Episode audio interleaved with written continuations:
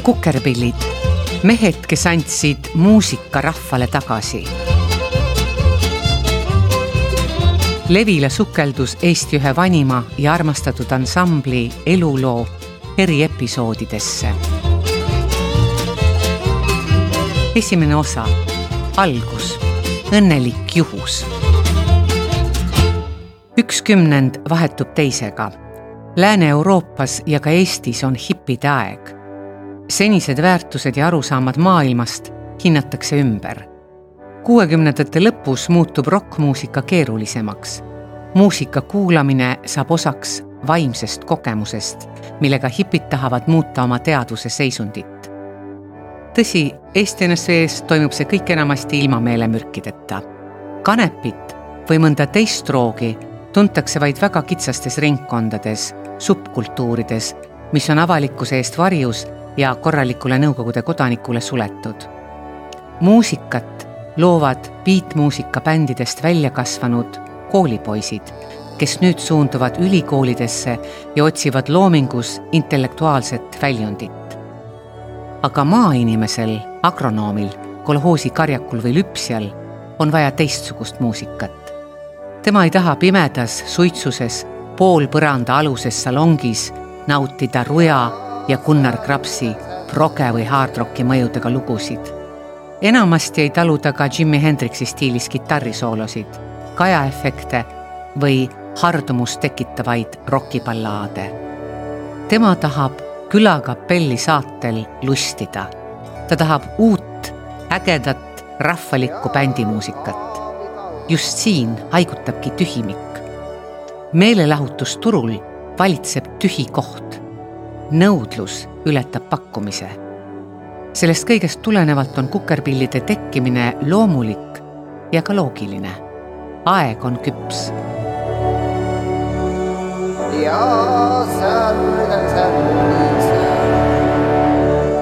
on aasta tuhat üheksasada seitsekümmend üks, kuskil sügise paiku ansamblites Optimistid ja Credo laulnud ning basskitarri mänginud Vello Salumets võtab Toomas Kõrvitsaga ühendust. Toomasel on samuti kogemus optimistidest kitarristi ja lauljana. noor, tulevikuplaanidest pulbitsev Salumets saab Kõrvitsaga kokku. sel hetkel on mõlema mehe bändi tegemises pisuke paus ning nad on uutele väljakutsetele avatud Salumets, kes on vahepeal proovinud muusikat teha suure koosseisulise ansambliga, mille arsenali kuulusid ka puhkpillid, teeb Kõrvitsale ettepaneku uus bänd kokku panna. tema idee seisneb väikeses koosseisus, kuhu ei pea tingimata kuuluma professionaalsed muusikud. bändis, mis mängib pigem lihtsamat repertuaari. Salumets arvab, et võiks teha külabändi selle sõna otseses mõttes sellist, mis esitab muusikat, mille kohta venelased ütlevad pastrunam, päiäitsam. see tähendab, et balalaikal mängitakse kahte kuni kolme tuuri.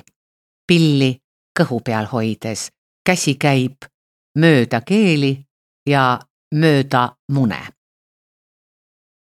Salumets küsib kõrvitsalt, kas uude koosseisu oleks veel kedagi pakkuda. viimasele meenub, et Taivo Linna eestlasse südamesse end laulnud Ivo Linna vend on ka parajasti vaba. Kõrvitsa linna on olnud koolivennad Eesti Riiklikus Kunstiinstituudis, ERKis. viimasel on kogemus samuti ühest kuuekümnendate beatmuusika laineharjal möllanud ansamblist. see Tallinna ja Tartu üliõpilasi hullutanud bänd oli Peoleo oma tuhande üheksasaja kaheksakümne neljandal aastal ilmunud raamatus polkast rockini seostab Anne Erm nii kukerpille kui ka peoleod kuuekümnendate aastate lõpul levima hakanud folklaulu liikumisega. populaarseks said Kunstiinstituudi üliõpilaste ansambli Peoleo folgi ja kantrihõngulised laulud. siit viisid niidid Taivo Linna ja Henno Käo kaudu vahepeal eksisteerinud folktrio Kukerpillideni, kirjutab ta Need niidid, mis sel hetkel noori muusikuid omavahel juba sidusid, peavad hiljem mõningase lahtiharutamise ja uuesti kokkunõelumisega vastu veel mitu head aastakümmet. kõik eelnev on aga Vello Salumetsa versioon. bändi loomist mäletavad Taivo abikaasa Tiina Linna ja Toomas Kõrvits pisut erinevalt. tuli hõõgus juba tuha all ja bändi tegemise mõtted olid peas kõigil asjaosalistel. oli vaja vaid söed lõkkele puhuda. iseloomustab Toomas Kõrvits toonast olukorda. alguses oli oluline kokku saada, mõtteid vahetada ja jämmida. luua bänd, see otsus sünnib teadlikult mõnevõrra hiljem. Tiina Linna sõnul otsib Taivo, kes on lõpetanud tegevuse ansamblis Peoleo, uut väljundit muusikas ning tahab samuti teha oma ansamblit. bändi teha oli kollektiivne otsus. ansambli liidriks sai Taivo, lisab ta. Salumetsast saab uue bändi bassimängija. Toomas Kõrvits haarab akustilise kitarri ning Linna hakkab mängima kitarri, banjot, viiulit ja mandoliini. vastsündinud kooslusel aga puuduvad trummid. Probleemile leitakse konsensuslik lahendus. bassimänguga samal ajal lööb Salumets jalaga basstrummi. Tiina Linna leiab, et kes on kord muusikapisikuga nakatunud, ei suuda kiusatusele enam elu lõpuni vastu panna. nii juhtub ka Taivoga. kukerpillide sünd on vältimatu. tung oma näoga ansamblit luua oli tal sees. peoleo oli esimene pääsuke, mis kasvas üle kukerpillideks, räägib Tiina Linna. Taivo on ka esimeste kukerpillide plaatide, kassettide ja algse bändi logo kujunduse autor lisaks Taivo Linnale teeb Salumets ettepaneku bändiga liituda ka Tallinna Riiklikus Konservatooriumis Konsis viiulit õppivale Toomas Veenrele. Viimane pole sellise rahvaliku muusikaga varem kokku puutunud, kuid on mänginud Tallinna beat-ansamblites Poppojad ja Omega, mille eeskujuks on tollaste noorte suured lemmikud The Beatles, The Hollies ja The Kings ent siiski on tal huvi, mis seni varju jäänud muusikastiilide poole tõmbab. võtsin uuel bändil sabast kinni, et vaadata, mis värk on, ütleb Veenre. Ka tema külastab Uue tänava tornis Taivo Linnat, kes on Veenrest kaheksa aastat vanem ja mõjub seetõttu autoriteedina. koos kuulatakse muusikat ning Veenre viib end folgiga kurssi. meeste vahel on hea klapp ja kergesti leitakse ühine keel seda, mis tolles torniateljee boheemlaslikus õhkkonnas toimus, Taivo ise enam meenutada ei saa. pärast üht Kukerpillide kontserti ja sellele järgnenud ööd kodus kolib ta tuhande üheksasaja üheksakümne kuuendal aastal insuldi tagajärjel taevasesse prooviruumi, kus mängib ning loob kaasakiskuvaid meloodiaid ja riukalikke laule tõenäoliselt siiani uue bändi laulutekstide autoriks saab Taivo palvel Henno Käo. Taivo ja Henno on hingesugulased, saarlased ja koolikaaslased juba Tartu Kunstikoolist, kus Taivo enne ERKisse suundumist õpib. Henno on ka peoleo liige. ta ei rääkinud palju, rohkem kuulas, oli tagasihoidlik, aga väga muhe ja lahe inimene ning tohutult andekas. tal oli ka vapustavalt hea tämbriga hääl iseloomustab käod Tiina Linna. tuhande üheksasaja kaheksakümne teisel aastal ilmunud laulikus Laulavad kukerpillid avaldavad bändi toonased liikmed poeedile tänu. ilma temata oleks ansambel kui sardell ilma sinepita, on kirjas mustvalgel. Eesti popmuusika ajalukku jätab Henno Käo kustumatu jälje. tema sulest on ilmunud sadu laulutekste kuulsaks on neid laulnud Apelsin, Rock Hotell ja lugematud teised tuntud ja tundmatud kooslused. ka Henno lahkub meie seast. See juhtub kahe tuhande neljanda aasta suvel tema kodus Mustamäel. Toomas Kõrvitsale on elavalt mällu sööbinud mõned mälestused tornist, kus uue bändiga proove tehti. ta kirjeldab, kuidas linna ateljee ust avades oli linna tugev piibutubaka lõhn ainuüksi see suits tegi pea kergelt uimaseks ja andis loomingulise impulsi. kõrvits peab Taivot tollal bändi veduriks, meheks, kes teised oma ideedega kaasa tõmbas. Tiina arvates oli ta bändi suunanäitaja. Taivo otsis kogu aeg midagi uut ja vaatas, et bändi areng ei jääks seisma, ütleb ta. ta oli pühendunud, põhjalik ja nõudis nii endalt kui teistelt palju. just Taivo on see, kes Toomas Kõrvitsale Tartusse kirjandusmuuseumi arhiivi rahvalaulude juurde tee juhatab. Koos töötatakse läbi lugematul hulgal rahvalaule, neid kuulates ja lindistades. arhiivis saavad nad töötajatega sina peale ja on lõpuks nagu oma inimesed. väikeste lõõtspillide ühingu laulja Marko Matvere on öelnud, et kukerpillid on riisunud arhiivist koore. teistele bändidele on vähe järele jäänud.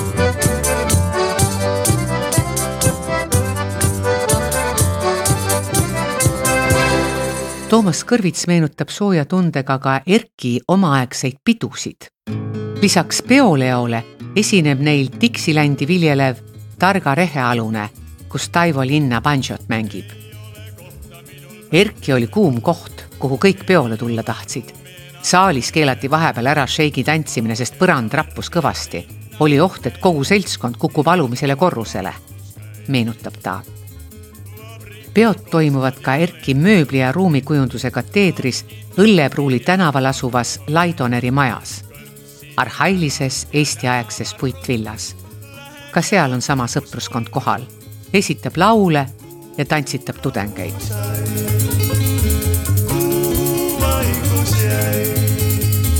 Kui Eesti Televisiooni populaarne telesaade Reklaamiklubi tuhande üheksasaja seitsmekümne teise aasta kevadel rahvalikku ansamblit otsib, kasutatakse juhust ning hiljuti telesaate kunstnikuks saanud ja Eesti reklaamfilmi direktori Peedu Ojamaaga heades suhetes Taivo Linna pakub välja oma bändi. selles löövad kaasa ka Erki pidudel juba esinenud mehed. lisaks temale endale Kõrvits Salumets ja Veenre. kui kutse tuli, oli lihtne sealt seltskond välja noppida, meenutab Kõrvits. seda, et reklaamiklubi ajal eetrisse minevasse Ervin Aabeli show'sse on bändi vaja, kuuleb Toomas Kõrvits esimest korda oma vennalt Tõniselt, kes reklaamiklubis Gustav Kikerpuu orkestris kitarri mängib. Toomas, nagu Taivogi, võtab mõttes saates esineda kohe tuld. esimene esinemine leiab Aabeli show's aset esimesel aprillil tuhat üheksasada seitsekümmend kaks. selle tarvis mängitakse eelnevalt linti kolm lugu. juba varem peoleo repertuaaris olnud Pole sul tarvis teada, instrumentaal, pulmapolka ja veel üks lugu, mille meenutamisel Kõrvits ja Salumets hätta jäävad siiski võtab viimane mõne aja möödudes Levilaga ühendust ja teatab, et tegu võis olla palaga Aabeli show lõpulaul. Gustav Kikerpuu muusika, Priit Taimla sõnad ja lauljad Aabel ja Salumets. võib-olla kõlab see laul reklaamiklubi teises, võib-olla kolmandas saates, kuid igal juhul saab palast lõpusignatuur just Aabeli show's, milles rahva poolt palavalt armastatud saamatu veidriku kuvandiga koomik sketši esitab. muide, Aabeli sõu kolmas lugu võis olla instrumentaal, kas jooksupolka või lipumati nahkpüksid. Need mõlemad on saates kuulda, kaevab Toomas Kõrvits mälusoppides.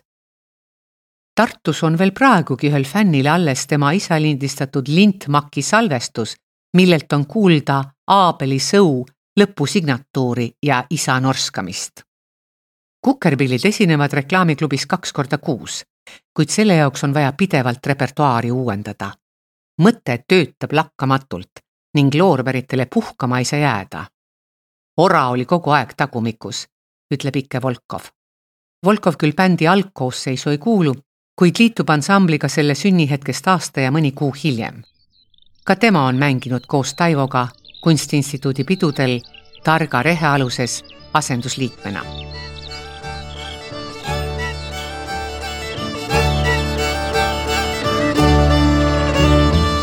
Taivo ja Toomas otsivad Kirjandusmuuseumi arhiivist uuemaid rahvalaule, mis rahvale peale läheksid.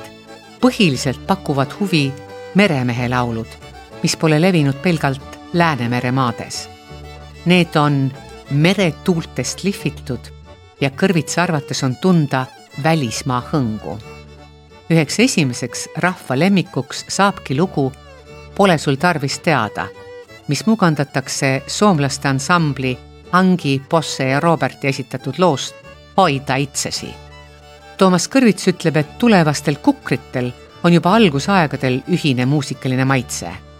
rahvalaulud olid mul vereringes, neid laulis lapsena mulle vanaema, selgitab ta. Tiit Kõrvits meenutab, et kõige esimesed lood olid kaverid ja need saadi Soome raadiost. kirjandusmuuseumi Rahvaluule arhiiv, see tuli tegelikult pisut hiljem kukerpillide kolmekümnendal sünnipäeval on Toomas Kõrvits ajakirjas Kultuur ja elu öelnud. mäletan seda, kui me Eesti reklaamfilmi Keldris žürii ees mängisime oma esimesed lood. see oli Eesti reklaamfilmi tellimus. minu meelest olid kõik laulud, mis me seal esitasime, rahvalaulud. ausalt öeldes midagi rohkemat ei mäletagi, sest kes võis arvata, et see asi nii kaua kestab. ent konservatooriumis Toomas Veenre figureerimist kukerpillides ei soosita.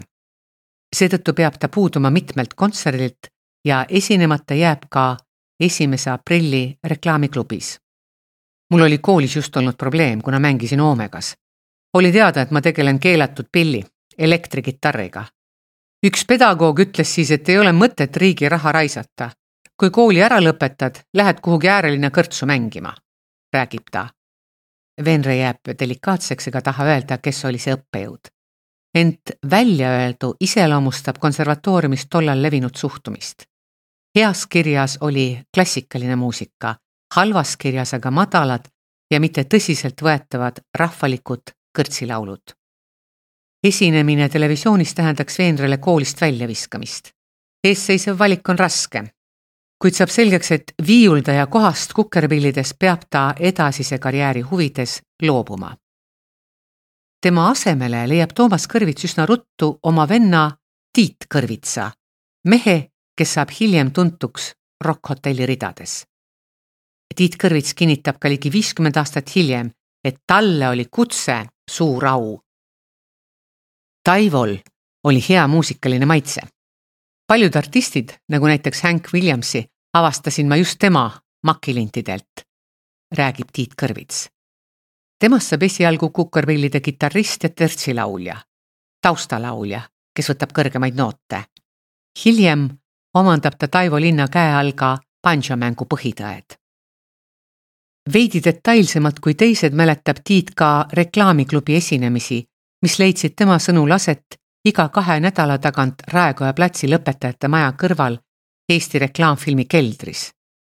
ühe järjekordse teleesinemise eel tajub Tiit, et probleeme võib tekkida tema välimuse ja pikkade juustega.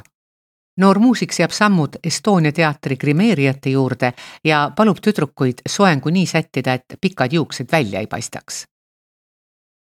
Valter Ojakäär küsib oma kahe tuhande kümnendal aastal ilmunud raamatus oma laulu leidsime üles Eesti levimuusika ajaloost tuhande üheksasaja viiekümnendatest aastatest tänapäevani.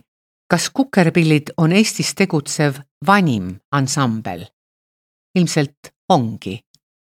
sealsamas kinnistab Ojakäär ka bändi nime saamise lugu. nime nuputanud välja Soome poiss. teises maailmasõjas Soome poolel vabatahtlikuna võidelnud kunstnik Heino Mikiver alguses pakkusin välja kikerpillid, aga see muutus kohe kukerpillideks, ütleb Mikiver napisõnaliselt bändi viieteistkümnendal sünnipäeval eetrisse läinud Eesti Raadio saates. tema on ka tuhande üheksasaja seitsmekümne kolmandal aastal disainitud ja siiani ajahambale vastu pidanud logo autor kahe tuhande kaheksandal aastal selgitab kultuuriajakirjanik Immo Mihkelson Postimehes, et ühest vanast koorilaulust pärit kikermarjadest said kikerpillid, mille muusikud omakorda suupärastasid kukerpalli järgi kukerpillideks. bändi liikmed ise ei tahtnud, et nime seostataks helilooja Kustas Kikerpuuga, kelle orkester samuti reklaamiklubis mängis.